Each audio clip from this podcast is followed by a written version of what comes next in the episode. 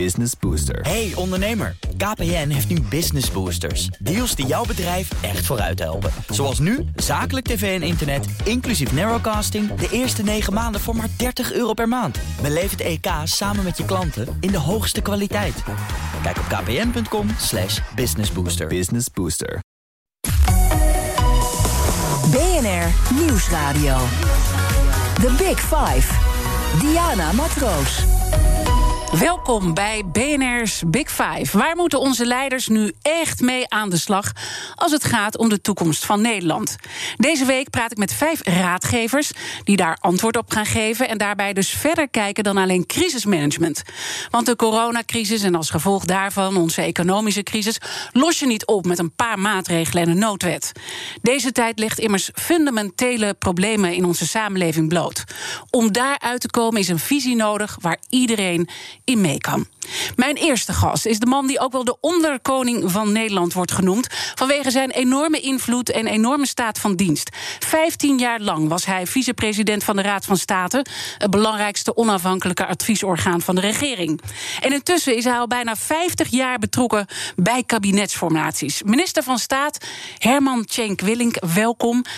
Goedemorgen. Goedemorgen. En volgens mij was uh, Rutte vijf en Jesse Klaver moest nog heel lang geboren worden toen u al bij de eerste formatie betrokken was. Ja, ik uh, werd bij, de, bij toeval in zekere zin bij de uh, eerste formatie betrokken, de, mijn eerste formatie, in 72, 73. de fameuze, toen fameuze kabinetsformatie van het uiteindelijk kabinet Den Uyl. Daar was ik secretaris van. Dus ik zeulde met de dossiers van de ene informateur naar de andere. Ik keek mijn ogen uit. En toen ik zelf in 1994 uh, voor het eerst informateur werd, toen dacht ik, had ik maar beter opgelet. Ja. uh, want dan, dat is toch een hele andere positie. En dan denk je, ja, wat moet ik hier en wat kan ik hier? Dus u heeft zelf ook uh, vaak meegemaakt dat het lastig is van hoe moet je iets aanpakken? Ja, bij een informatie uh, moet je heel goed realiseren... Wat is, wat is eigenlijk mijn opdracht? En ik heb eigenlijk altijd gezegd, of voor mezelf geformuleerd... mijn opdracht is om fractievoorzitters... Uh, tot een gemeenschappelijke conclusie te brengen in onderhandelingen... Waartoe ze op eigen kracht niet kunnen, willen of durven komen. Dus het is ook ieder zijn aandeel laten leveren. En ook daar de credits voor geven. Dus je probeert ja, een klimaat te creëren. waardoor uiteindelijk iedereen zegt: ja, zo moeten we het maar doen. En dat betekent dat je dus heel systematisch te werk moet gaan. Want uiteindelijk moet iedere fractievoorzitter, ieder onderhandelaar. ten opzichte van zijn eigen achterban kunnen uitleggen waarom hij of zij, maar tot nu toe meestal hij, ja. uh, tot die conclusie is gekomen. En dat is dus heel erg belangrijk. En ik denk dat we moeten proberen om dat ook een beetje uh, nou ja, met z'n twee in dit uur uh, te kunnen realiseren. Om echt goed te analyseren uh, waar de problemen liggen. Toch nog eventjes over u persoonlijk. U heeft uw hele leven in teken gezet van het openbaar bestuur. Wat triggert u daar zo in? Waar, waarom, waarom zit daar uw drive? Dat heb ik mezelf ook wel eens afgevraagd. Ik heb eigenlijk nooit erover gedacht om in het privaat, eh, particulier bedrijfsleven te gaan. Uh, en waarom? Ja, waarom? Uh, ik ben altijd inderdaad gefascineerd geweest door uh, de overheid, het dienen van het algemeen belang. hoe, hoe bereik je dat? Wat is ieders functie daarin? En zoals vaak in het leven, ook door toeval. Gebeuren dingen. Gebeuren dingen. en zo ben ik op het ministerie van Algemene Zaken, het kabinet van minister-president, gekomen in 1972. En uh, ja, met uh, heuvels en dalen uh, uiteindelijk acht jaar geleden gepensioneerd. Ja. Als vicepresident van de Raad van State. Maar nog steeds heel erg actief op allerlei fronten. Ja, tegen mijn eigen tot mijn eigen verbazing in zekere zin. Want ik dacht, nou, dit is nu afgelopen, ga ik allerlei andere dingen doen. Maar het komt op je pad en tegelijkertijd uh, blijft het je fascineren. Zoals ook nu de coronacrisis fascineert. Wat betekent dat nou? Wat ja. betekent dat nou voor het functioneren van overheid en samenleving? Want als we, als we daar dan meteen even naar kijken, hè, die coronacrisis nu, ligt u daar dan ook nog wakker van? Want u heeft zoveel meegemaakt in uw leven. Nee, ik lig niet wakker van. Ik heb eigenlijk maar één keer uh, wakker gelegen. En dat was toen ik, zoals veel mensen gedaan hebben, opnieuw de pest van Camus uh, herlas. En uh, dan word je als het ware zo ehm, meegezogen. Ook in die machteloosheid tegen wat, iets wat, wat onzichtbaar is. En waar tegen nog geen remedie is. En er wordt wel gehoopt ook in dat verhaal op een serum. Maar of dat serum eigenlijk werkt, is zeer de vraag. Of dat niet ook toeval is. Uh, en tegelijkertijd ook het steeds opnieuw beginnen. Uh, maar ook een ja, zekere uh, fatalisme, zou ik het niet willen noemen. Maar iemand zegt op een gegeven moment: wat is de pest eigenlijk? helemaal. Het leven en meer niet. Ja. Mooi gezegd. Uh, het, is, het is een prachtige zin. Ja. En, en, en als we dan die zin nemen, kunnen we daar dan iets van leren van die tijd in de tijd waarin we nu zitten? Nou ja, het is, uh, het is in dat boek veel dramatischer dan het nu het geval is, zeker in Nederland. In vergelijking met andere landen uh, zitten we natuurlijk in een bevoorrechte positie en ik al helemaal. Want ik ben uh, ja, ik hoef niet bang te zijn voor het verlies van werk of uh, het uh, faillissement van mijn onderneming. Ik ben gepensioneerd, woon mooi. En tegelijkertijd toch het gevoel van ontregeld zijn. En ik denk het voornaamste probleem wat, wat we nu hebben, het klinkt misschien gek, is het probleem van onzekerheid. Dus, en dat is eigenlijk de collectieve onzekerheid al. Uh, waar hebben we het eigenlijk over als we het, uh, als we het hebben over coronacrisis? Ja, is dat de daadwerkelijke crisis? Is dat de daadwerkelijke crisis? Is, is het inderdaad de uitbraak die onbedoeld van dat virus? Dat had eigenlijk dus niet gemoeten. Dus het is eigenlijk een incident. Dus als we nu maar een, een, een vaccin krijgen, dan gaan we back to normal. Is dat dan het grootste gevaar dat u nu ziet uh, gebeuren? Ja, nou ja, of is de vraag, dat ligt eraan dus wat je al onder crisis verstaat. Of is het de crisis eigenlijk dat een onzichtbaar virus binnen twee maanden de wereld kan platleggen en laat zien hoe we onderling verweven zijn geraakt, ook economisch. Is, is dat de crisis? Het feit dat het zo kwetsbaar is. Mm of is de crisis eigenlijk iets uh, heel anders? Uh, namelijk uh, een bewijs van het doorbreken van evenwichten tussen ecologie en economie, tussen mens en natuur. En zou het ook alle drie kunnen zijn? Het is ook alle drie. Maar we zullen met name het, het merkwaardig is dus dat we eigenlijk het politieke debat daarover tot nu toe niet gevoerd hebben. Wat, wat is het nu? Want elke. je moet een oorzaak van een iets kennen, van een probleem kennen, om een probleem op te lossen. En elk uh, probleem wat ik net noemde, of deelprobleem, heeft natuurlijk zijn eigen oplossing op zijn eigen schaal. Maar er is natuurlijk ook onzekerheid ten aanzien, eh, op individueel niveau. Uh, ten aanzien van gezondheidsrisico. Hoe gaan we daarmee om? ik, ja, zit te twijfelen over of ik naar Italië zal gaan. Ja. Um, en dat, dat, waarom twijfel je? Over het risico wat je loopt en wat je niet helemaal kan inschatten. En eigenlijk twijfel je niet over het feit dat je, als je drie dagen op de autoweg uh, rijdt, een gigantisch risico loopt. Dat risico hebben we als het ware weten we ongeveer te wegen. Ja, dus wat is ook risico? Hè? Er is een bekend risico en nu dus dat onbekende uh, risico. Uh, wat, wat kan je wel, wat kan je niet? Uh, het makkelijkste natuurlijk gewoon de kop in het zand steken en zeggen... er is helemaal geen risico. Maar goed, als je dat even, die mensen even uitsluit... Ja. dan is dat één ding. Het tweede is natuurlijk de onzekerheid over, over werk. en daarom zo goed, want Je kan alleen met risico, uh, met onzekerheid omgaan als je minimum aan zekerheid hebt. Daarom zo goed dat de overheid vrij snel heeft gezegd: Nou, we moeten in ieder geval voor de time being de zaak afdekken. Dus dat vindt u een goede zet geweest? Dat vind ik een goede zet geweest. Ik vind ook dat het UWV, wat vaak wordt bekritiseerd, dat heel goed heeft gedaan in de regeling die ze heeft ontworpen en ook praktisch uitvoerbaar heeft gemaakt. Hm? En uh, dan is natuurlijk ook nog een onzekerheid, en daar hebben we eigenlijk weinig zicht op tot nu toe. Uh, dat is wat, wat betekent dat nu voor het leven en samenleven? Uh, en ja, dat moeten we uitvinden. En daarvoor moeten we proberen om de boel om met een oude uh, zegswijze van Job Cohen, die weer ontleend is aan Joop de uh, de boel bij elkaar te houden. Om je, omdat het een crisis kan je alleen bestrijden in samenwerking en solidariteit. En dat is eigenlijk niet de trend geweest van de afgelopen decennia, want dat was erg gericht op markt en individu.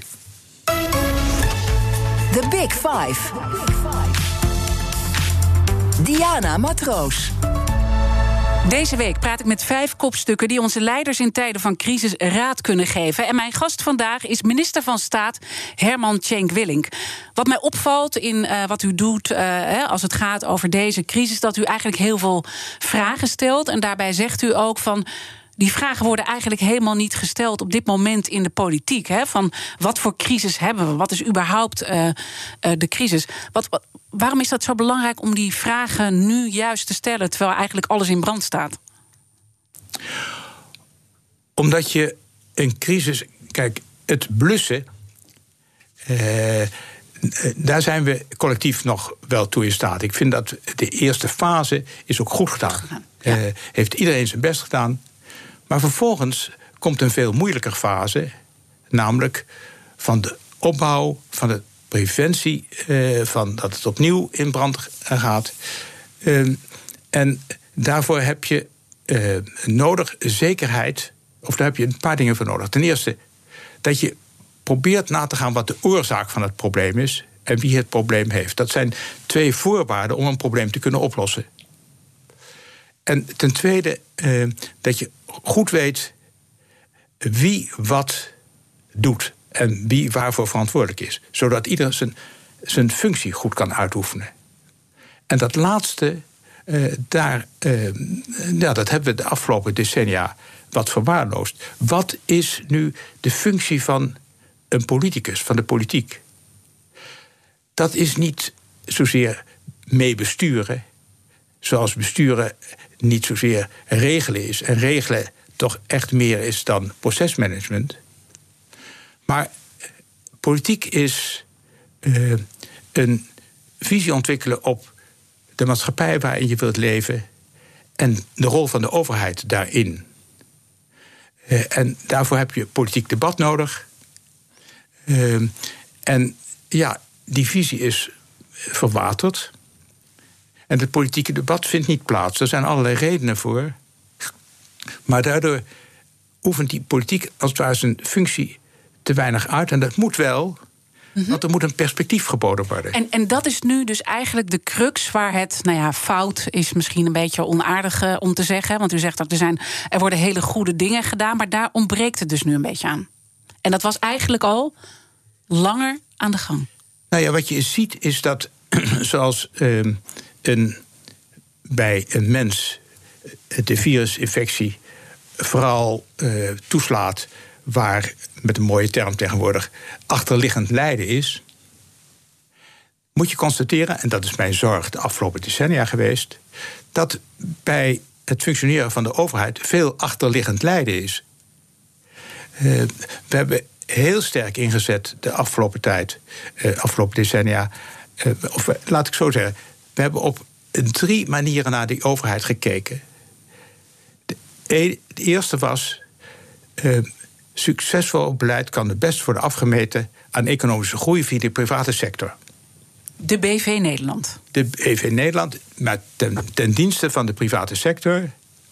En in die opvatting is de overheid een kostenpost.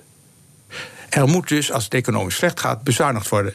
Los van de vraag wat de oorzaak van dat economisch minder goed gaan is. De tweede opvatting, die. Ehm, en eh, er is dus eh, op, op de overheid ook aanzienlijk bezuinigd. Nu kon dat ook wel, nu moest dat ook wel, in het begin van de jaren tachtig, maar het is als het ware een automatisme geworden. De tweede wijze van kijken naar de overheid is dat de overheid een bedrijf is. Kosten en baten. Uh, je kunt beter uh, publieke taken privatiseren, want dat is uh, goedkoper. En levert ook nog betere kwaliteit op. Nou, dat blijkt buitengewoon dubieus hm? te zijn. Dat heeft er ook toe geleid dat de inhoudelijke deskundigheid bij die overheid is weg uit die overheid is weggevloeid. Want Omdat je kunt ze meer hebben gedaan van wat moeten we niet doen... in plaats van wat moeten we wel doen. Eh, precies. En je kan kennis altijd inhuren. Maar je huurt kennis pas in als je ziet dat er een probleem is waarvoor die kennis nodig is. Dus die overheid loopt er in zekere zin daardoor ook achter en kan ook moeilijker beoordelen of datgene wat aan kennis wordt aangeleverd ook relevant is voor het beleid. En de derde wijze van kijken naar die overheid uh, is dat we de burger zijn gaan zien als homo economicus. Dus uh, klant- en kostenpost. Terwijl uit die coronacrisis blijkt dat de burger wel wat meer is. Namelijk ook een sociaal geëngageerd uh, persoon. Uh, burgerschap in de zin van uh, publiek ambt. Wij hebben allemaal bij te dragen aan het algemeen belang. En hoe merkt u dat, dat dat inzicht dan toch nu een beetje wat meer naar voren komt? Op twee manieren. Ten eerste omdat, naar mijn uh, wijze van zien, maar dat is ook misschien wishful thinking, die drie wijzen van kijken doodlopen. De, er zijn wordt me dan wel gevraagd, maar waaruit blijkt dat? Nou, bijvoorbeeld het feit dat toen het economisch goed ging, um, er de maatschappelijke tegenstellingen scherper werden. En dat is niet alleen in geld, maar ook in huisvesting, in gezondheid en mhm. dergelijke. Die coronacrisis zal die tegenstellingen nog verder verscherpen. En de vraag die we ons moeten stellen, als het ons in economisch goede tijden al niet lukte om die verscherping van tegenstelling tegen te gaan. Wat moeten we doen? We moeten dus iets anders doen. Om dat in uh, het opvangen van die coronacrisis, uh, het en, gevolgen daarvan. En dat is dus nu heel cruciaal? Dat is heel cruciaal. Uh, en daarvoor heb je nodig, dan zie je een tweede zwakheid, de professionals op de werkvloer. Die professionals op de werkvloer hebben, door de wijze waar wij naar die overheid hebben gekeken, werden steeds meer ingepakt in modellen en verantwoordingsmechanismen. Um, huisartsen klaagden wel dat ze 40% van hun tijd, of medewerkers in de zorg, 40% van de tijd aan administratie uh, bezig waren. Iedereen vindt dat natuurlijk onzin. Uh, maar wat blijkt nu bij die coronacrisis? Dat juist die professionals op de werkvloer degene zijn die de eerste slag moeten opvangen de medewerkers in de zorg. En die krijgen nu ook de erkenning, hè? De, uh, de onderwijzers, uh, de politie, ja, ja, ja. de rechtelijke macht. Die krijgen nu ook de erkenning. Dat wil zeggen. Erkenning door het economisch denken hebben erkenning eigenlijk de laatste decennia steeds meer gezien als in de termen van geld. Maar de echte erkenning zit in vertrouwen in de professionaliteit van die mensen. Dat je ze dus ruimte kunt laten. En natuurlijk heeft geld daar ook mee te maken. Maar geld, een hoger loon of een uh, jaarlijkse uitkering, dat is in zekere zin ook een afkoopsom. Als niet tegelijkertijd de ruimte, het vertrouwen uh, in de professional op werkvloer, mm -hmm. dus nogmaals die zorgmedewerker of die onderwijzer, niet groter wordt. Wat, wat ik zo boeiend vind aan uw verhaal, ik heb ook uw boek gelezen, uh, Groter Denken, Kleiner Doen. Dat is in 2018 uh, ja. uitgekomen. Ik had hem natuurlijk al veel eerder moeten lezen, maar ik heb hem nu uh, gelezen. Is dat een hele generatie is opgegroeid met het managementdenken. We hebben het misschien zelfs niet eens meer door dat we dat doen. En u kijkt in, in tijdsbestek over een veel langere periode. En, en daar zit uw grootste zorg. Mijn, mijn zorg is, en ik haal de laatste tijd nog als Einstein aan. Dat is natuurlijk nooit verkeerd om iemand anders uh, van faam aan te halen. Maar uh, die heeft gezegd: je kunt een probleem niet oplossen met het denken dat het heeft veroorzaakt. En hoe ga je anders denken als de hele maatschappij doortrokken is van het denken dat het probleem heeft veroorzaakt? Dat is een breinkraker. Dat is het prisoners dilemma. Ja. Uh, en daarvoor heb je nodig dat het probleem, had het zo net al even over, zo scherp mogelijk gedefinieerd wordt. Zijn we het over het probleem is?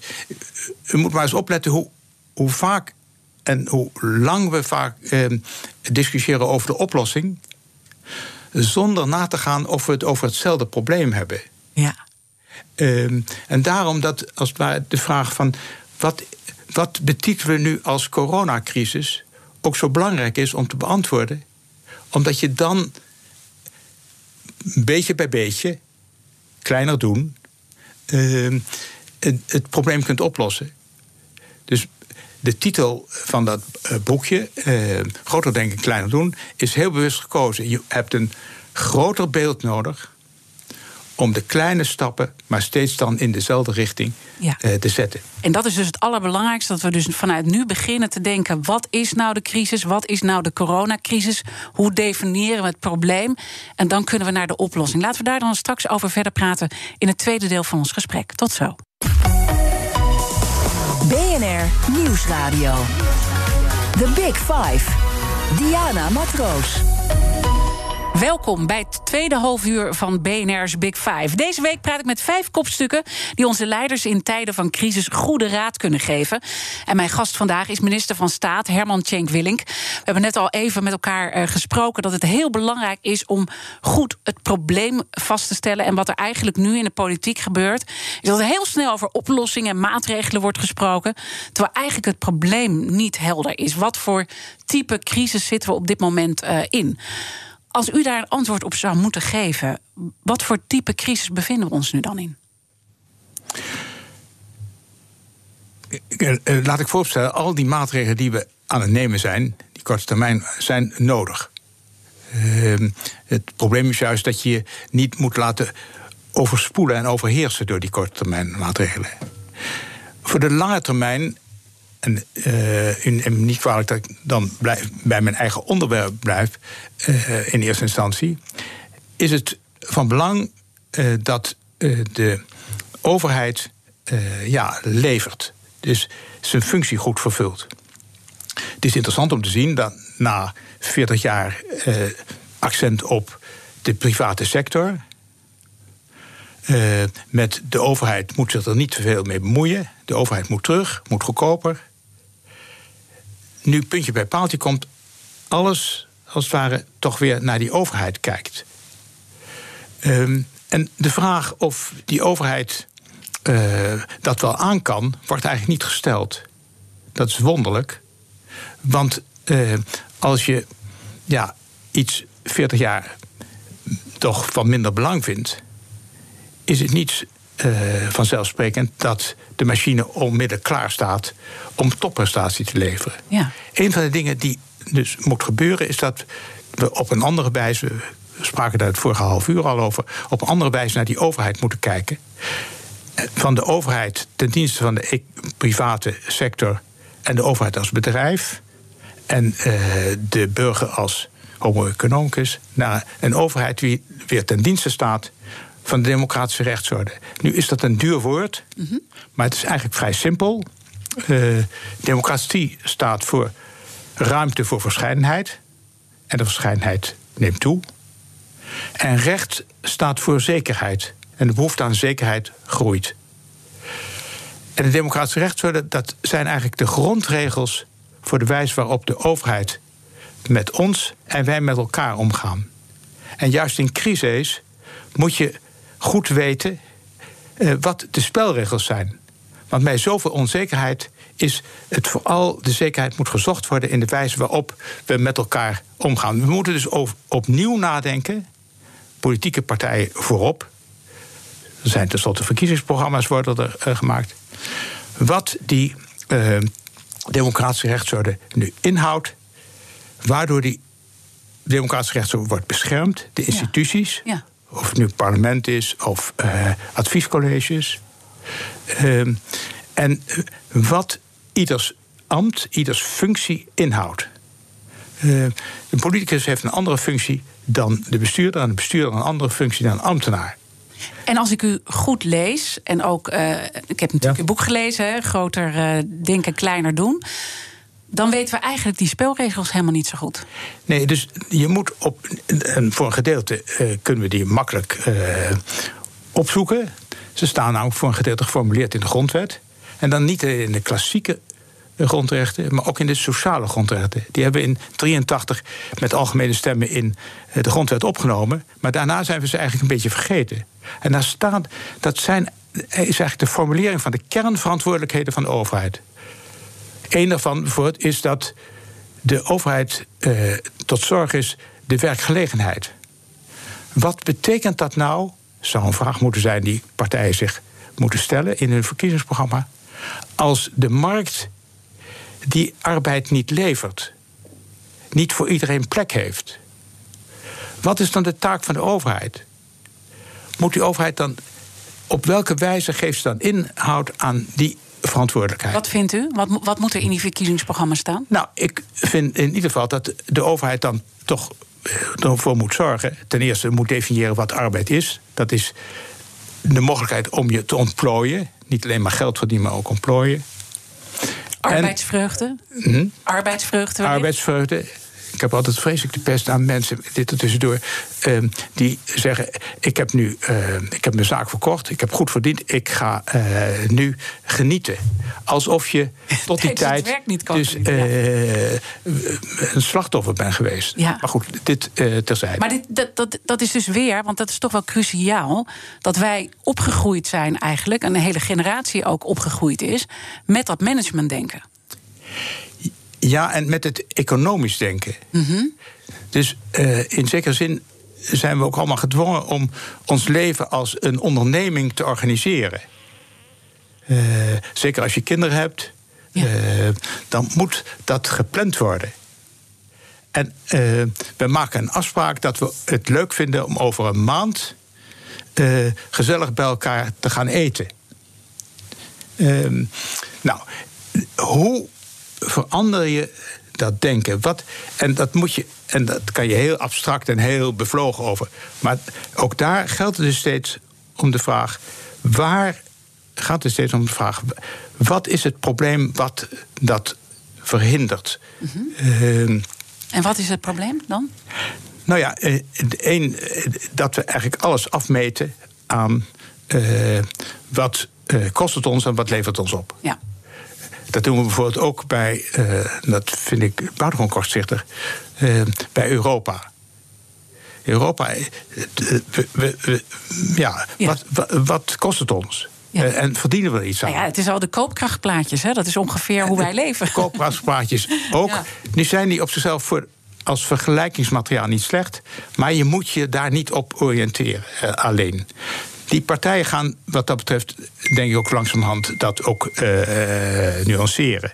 Dus wat er op dit moment nodig is uh, op korte termijn, is denk ik duidelijkheid en consistentie in de informatie over hoe die coronacrisis, hoe die corona, dat virus, kan worden ingedamd. en uh, nou, dat kan beter. Dat, uh, hebben een aantal uh, mensen een brief geschreven aan het kabinet een aantal dagen geleden. Waar een aantal maatregelen in staan. Ehm, ten tweede, op de iets langere termijn. Ik denk dat ehm, het buitengewoon belangrijk is om duidelijkheid te geven over welke economie we willen op langere termijn. Dat je de eerste tijd steunt, zoveel mogelijk steunt om ontslagen te voorkomen, mensen uh, over, uh, ondernemingen overeind te houden, dat is goed. Maar uiteindelijk zou je toch ook een selectie moeten maken. Uh, en moeten zeggen, wat is kansrijk en wat niet. Dan moet dus een economisch structuurbeleid worden uh, gevormd, wat ondernemingen ook zekerheid biedt. Maar veel publiek geld daarnaar, dat is prima, maar hoort wel iets tegenover te staan. Namelijk dat we een betere uh, verhouding hebben tussen lusten en lasten. Ja. En uh, dat we uh, ook streven naar een meer inclusieve arbeidsmarkt. Dat is een duur woord. Maar dat toch de wijze waarop we met semi-ZZP'ers omgaan, dat dat toch niet de weg is die we verder moeten vervolgen. Dus, dus dat, dat, is, dat is twee. Uh, drie. Uh, in verkiezingsprogramma's die nu worden opgesteld, daar uh, moet als het ware ook perspectief worden geboden van welke samenleving, ik had het er net al even over, welke samenleving uh, de partijen voor, die, voor ogen hebben. Die voor ogen hebben. Ja. Wat, wat willen we nu? Uh, en, nou ja, we komen er natuurlijk al helemaal niet uit wat onze identiteit uh, is in Nederland. Daar zijn nog steeds discussies over. Dus hoe kan je überhaupt met elkaar bespreken waar je heen wil als land als je dat al niet weet?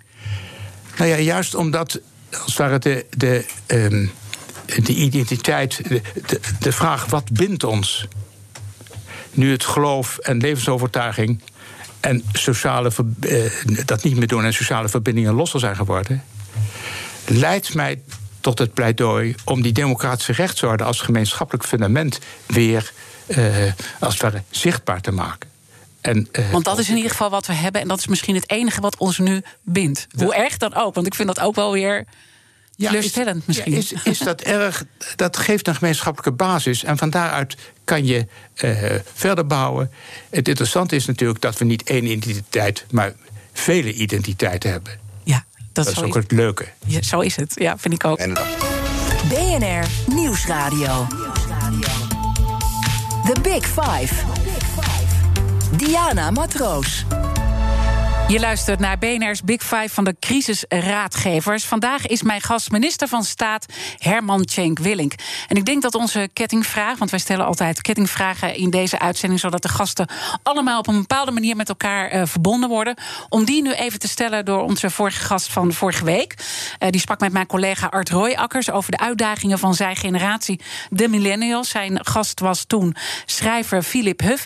En hij had deze vraag voor u een crisis oplossen is natuurlijk altijd meer werk dan een crisis voorkomen. Het is lastig om aan te geven wat voorkomen we dan. Maar ik denk dat we dat nu wel vrij goed kunnen zien. Dus wat kunnen we structureel veranderen om een dergelijke crisis in de toekomst te voorkomen?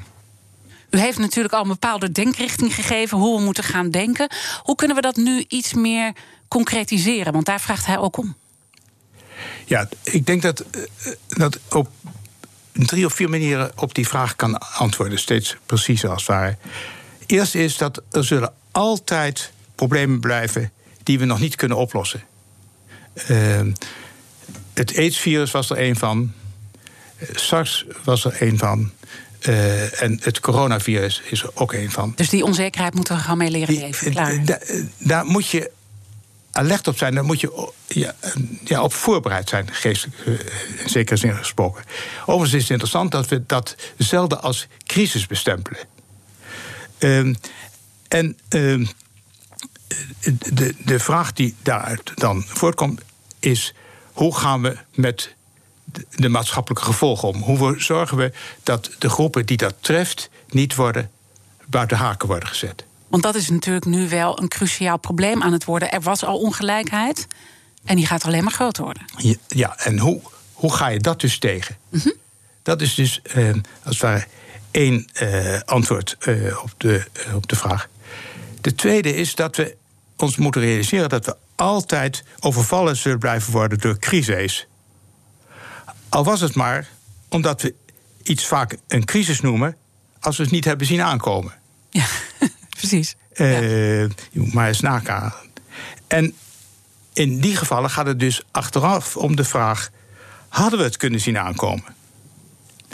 En soms moet je redelijk bij zeggen nee. Bijvoorbeeld de omvang van de aardgasproblematiek, uh, in de aardbevingsproblematiek in Groningen. Uh, daar moet je wel zeggen, nee, dat hadden we misschien ietsje eerder kunnen zien. Maar uh, in die omvang, dat is niet redelijk. Alles voorzien, elk risico voorkomen is onmogelijk. En betekent ook het overvragen van de overheid. Bij sommige crises moet je echt achteraf uh, uh, constateren dat de, dat de feiten werden genegeerd. En waarschuwingen de, in de wind geslagen door de overheid. En dat zal eerder gebeuren bij een overheid die vooral naar binnen kijkt en taken afschuift. En daardoor zelf over weinig inhoudelijke deskundigheid beschikt. En dus niet doorziet wat er feitelijk aan de hand is. Dat was bijvoorbeeld bij de bankencrisis het geval. En is dat niet nu ook het geval? Ik denk ja en nee, want er zijn ook crises veroorzaakt door problemen die al heel lang spelen, maar waarin bestaande belangen zich tegen de oplossing verzetten en de politiek terugwijkt. En een voorbeeld is uh, de stikstofcrisis, die we zelf 40 jaar lang hebben uh, opgebouwd. Uh, en tegen deze achtergrond zijn er vier conclusies, denk ik, te trekken als antwoord op die vraag. Allereerst dus de noodzaak de democratische rechtsorde als inclusief concept te handhaven. Om ervoor te zorgen dat bij zo'n onverwachte gebeurtenis mensen niet buiten de boot vallen. Uh, want dat is een essentieel onderdeel van -hmm. democratische rechtsorde. En daarnaast de noodzaak om de inhoudelijke deskundigheid bij de overheid te versterken. Uh, want dan kan je eerder problemen zien aankomen. En vervolgens de noodzaak om maatschappelijk, van, maatschappelijk initiatief en druk van buitenaf. Want het was de agenda dat aan de rechter heeft voorgelegd. Vindt u niet dat de overheid zich aan zijn eigen regels moet houden? Ja. En de rechter zei terecht. In die zin bent u ook voor verzet vanuit de samenleving? Het kan niet anders dan eh, met druk van buitenaf. Voor veranderingen is altijd druk van buitenaf nodig. Alleen die druk moet gaan over wat wel en niet wat niet. Protesteren is prima. Met protesteren met een klacht en die klacht bij de politiek of bij anderen neerleggen, Werkt niet. Betekent dat je je afhankelijk maakt van het bestaande stelsel. Dus leraren, agenten, ehm, eh, de boeren moeten met oplossingen komen. Daarom mijn pleidooi als onderdeel van versterking van de democratische rechtsorde. Eh, om meer ruimte te geven aan de professionals op de werkvloer. Want dat zijn de mensen die de problemen ondervinden. En de mensen die de problemen ondervinden, zijn in principe ook best in staat om een oplossing voor die problemen te, uh, te, te suggereren. Ja. Of althans, ze weten welke oplossingen niet zullen werken. En er zijn ook eindeloos veel initiatieven, ook uit die groepen. Huisartsen in de actiegroep Het Roer moet om, bijvoorbeeld. Die dus met allerlei initiatieven komen en zeggen: we zouden het zo kunnen doen. We zouden het zo beter kunnen doen. Zo zouden we ook meer van onze professionele tijd gebruik kunnen maken. En wat de politiek zou moeten doen, is de obstakels die de overheid daar zelf vaak aan in de weg legt, proberen mee te helpen opruimen. Dus dat is die controledrift, hè? Die is ontstaan. Ja. ja. Uh, en het laatste uh, als antwoord, wat dus ook noodzakelijk is, de laatste conclusie, is het uh, onderhouden van het collectieve geheugen. Dus je geschiedenis kennen. Ja. Weten wat er eerder is gebeurd. En wat de lessen daaruit waren. Ik denk dat dat een hele belangrijke is. Dat we die in ieder geval sowieso echt uh, serieuzer moeten gaan nemen. Misschien is het mooi om vanuit deze kennis en deze conclusies. Want ik merk ook dat u het heel belangrijk vindt om vragen uh, te stellen. Om de vraag aan onze, mijn volgende gast van morgen, Mariet Hamer. Uh, voorzitter natuurlijk van de Sociaal-Economische Raad. Ik ga met haar morgen ook een uur in gesprek. Wat zou u van haar willen weten? Welke vraag zou u willen stellen? Ik zou de volgende vraag uh, aan Mariette Hamer willen stellen. Na 30 jaar voorrang voor de private sector, met de publieke sector als kostenpost en de overheid als bedrijf. Wordt op dit moment weer van alles van de overheid verwacht. En niemand stelt de vraag of de overheid wel aan die verwachtingen kan voldoen en onder welke voorwaarden. Het lijkt me een kernvraag. Zou de SER die kernvraag niet moeten stellen en van een antwoord moeten voorzien, al was het maar om de haalbaarheid van zijn eigen adviezen te vergroten? Een hele mooie vraag. En daar zit natuurlijk ook een gedachte achter waarom u die vraag stelt. Uh, waarom, waarom, waarom wordt deze vraag nou niet gesteld? Niet alleen door de SER niet, maar u zegt ook door de politiek niet, door de Kamer niet.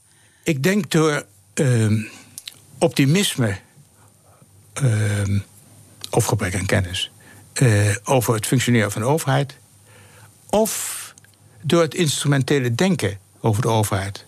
Alsof de overheid een machine is die je naar believen aan en uit kunt zetten en uh, sneller of langzamer kan laten draaien.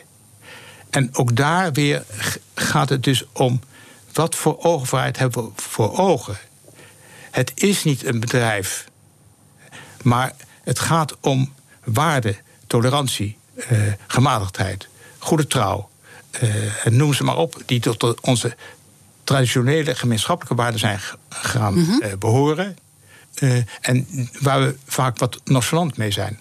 En waarom ik vooral vragen stel, is niet omdat ik zelf de oplossingen, uh, of niet, geen suggesties voor oplossingen zou weten, maar omdat ik het van belang vind dat er breed besef ontstaat van wat het probleem is en welke vragen er aan de orde zijn. Want je kunt wel vanuit uh, een je luxe positie zeggen: je zou het zo en zo moeten doen. Maar de beste stuurders staan aan wal. En ik heb makkelijk praten. Mm -hmm. Het gaat erom om mensen bewust te laten worden dat ze onderdeel zijn van het systeem. En door die vragen te stellen, je de mogelijkheid biedt om daar uit te breken. En is het feit dat we die vragen niet stellen en ook een bepaalde kennis niet hebben, is dat wat we zien, wat zich nu ontaart in die polarisatie, die echt alleen maar dieper, dieper, dieper, dieper, dieper insnijdt in Nederland? Uh, ik weet niet of die polarisatie uh, dieper, dieper, dieper, dieper insnijdt. Uh, ik bedoel, in vergelijking met wat er bijvoorbeeld in Amerika of elders gebeurt, denk ik, nou, het valt hier nog redelijk mee. Alleen, we moeten ervoor zorgen dat het zo blijft. En de coronacrisis is een kans. Het is ook een uh, bedreiging. Het kan een bedreiging zijn voor de democratische rechtsorde. Uh, als bestuurders die daadkracht willen tonen, zeggen nou. Die grondrechten en dergelijke, daar uh, hoeven we ons even niets van aan te trekken. Dat is voor het moment niet erg. Maar elke crisis leert dat de crisismaatregelen die voor die crisis worden genomen, dat die eigenlijk nooit meer worden afgeschaft. En de uh, coronacrisis kan ook een handicap zijn. Namelijk dat alles weer gericht wordt, alle aandacht op economische groei via de private sector. Terwijl dat volgens mij een, met, en met de uh, overheid, de publieke sector als kostenpost. Terwijl dat een van dus de daar moeten we in ieder geval, hoor ik u zeggen, gewoon vanaf van die, van die gedachten. Wordt u geraadpleegd door Den Haag, ook als het gaat om het schrijven van de nieuwe verkiezingsprogramma's? Er zijn wel uh, verschillende partijen geweest die zeggen: mogen eens met je praten. Mee naar aanleiding van het boekje en mijn eerdere beschouwingen als vicepresident van de Raad van State. En uh, ik probeer ze erop te wijzen dat de crisis dus ook een kans kan zijn om datgene wat nu blijkt een obstakel te wezen, of datgene wat nu blijkt wel mogelijk te zijn, bijvoorbeeld in de zorg, aan samenwerking en solidariteit, om je af te vragen waarom zouden we dat niet tot het nieuwe normaal maken.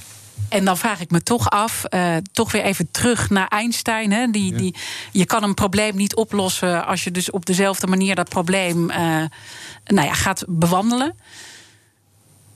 Dan vraag ik me toch af, kan, kunnen de huidige leiders die hier nu zitten, kunnen die dit überhaupt aan? Kunnen die die verandering maken die u voor ogen ziet? 40 jaar geleden zijn we op een gegeven moment ook het managementdenken gaan omarmen. Dat, waren, dat was toen in de situatie dat er anders werd gedacht. Dus het kan dus wel.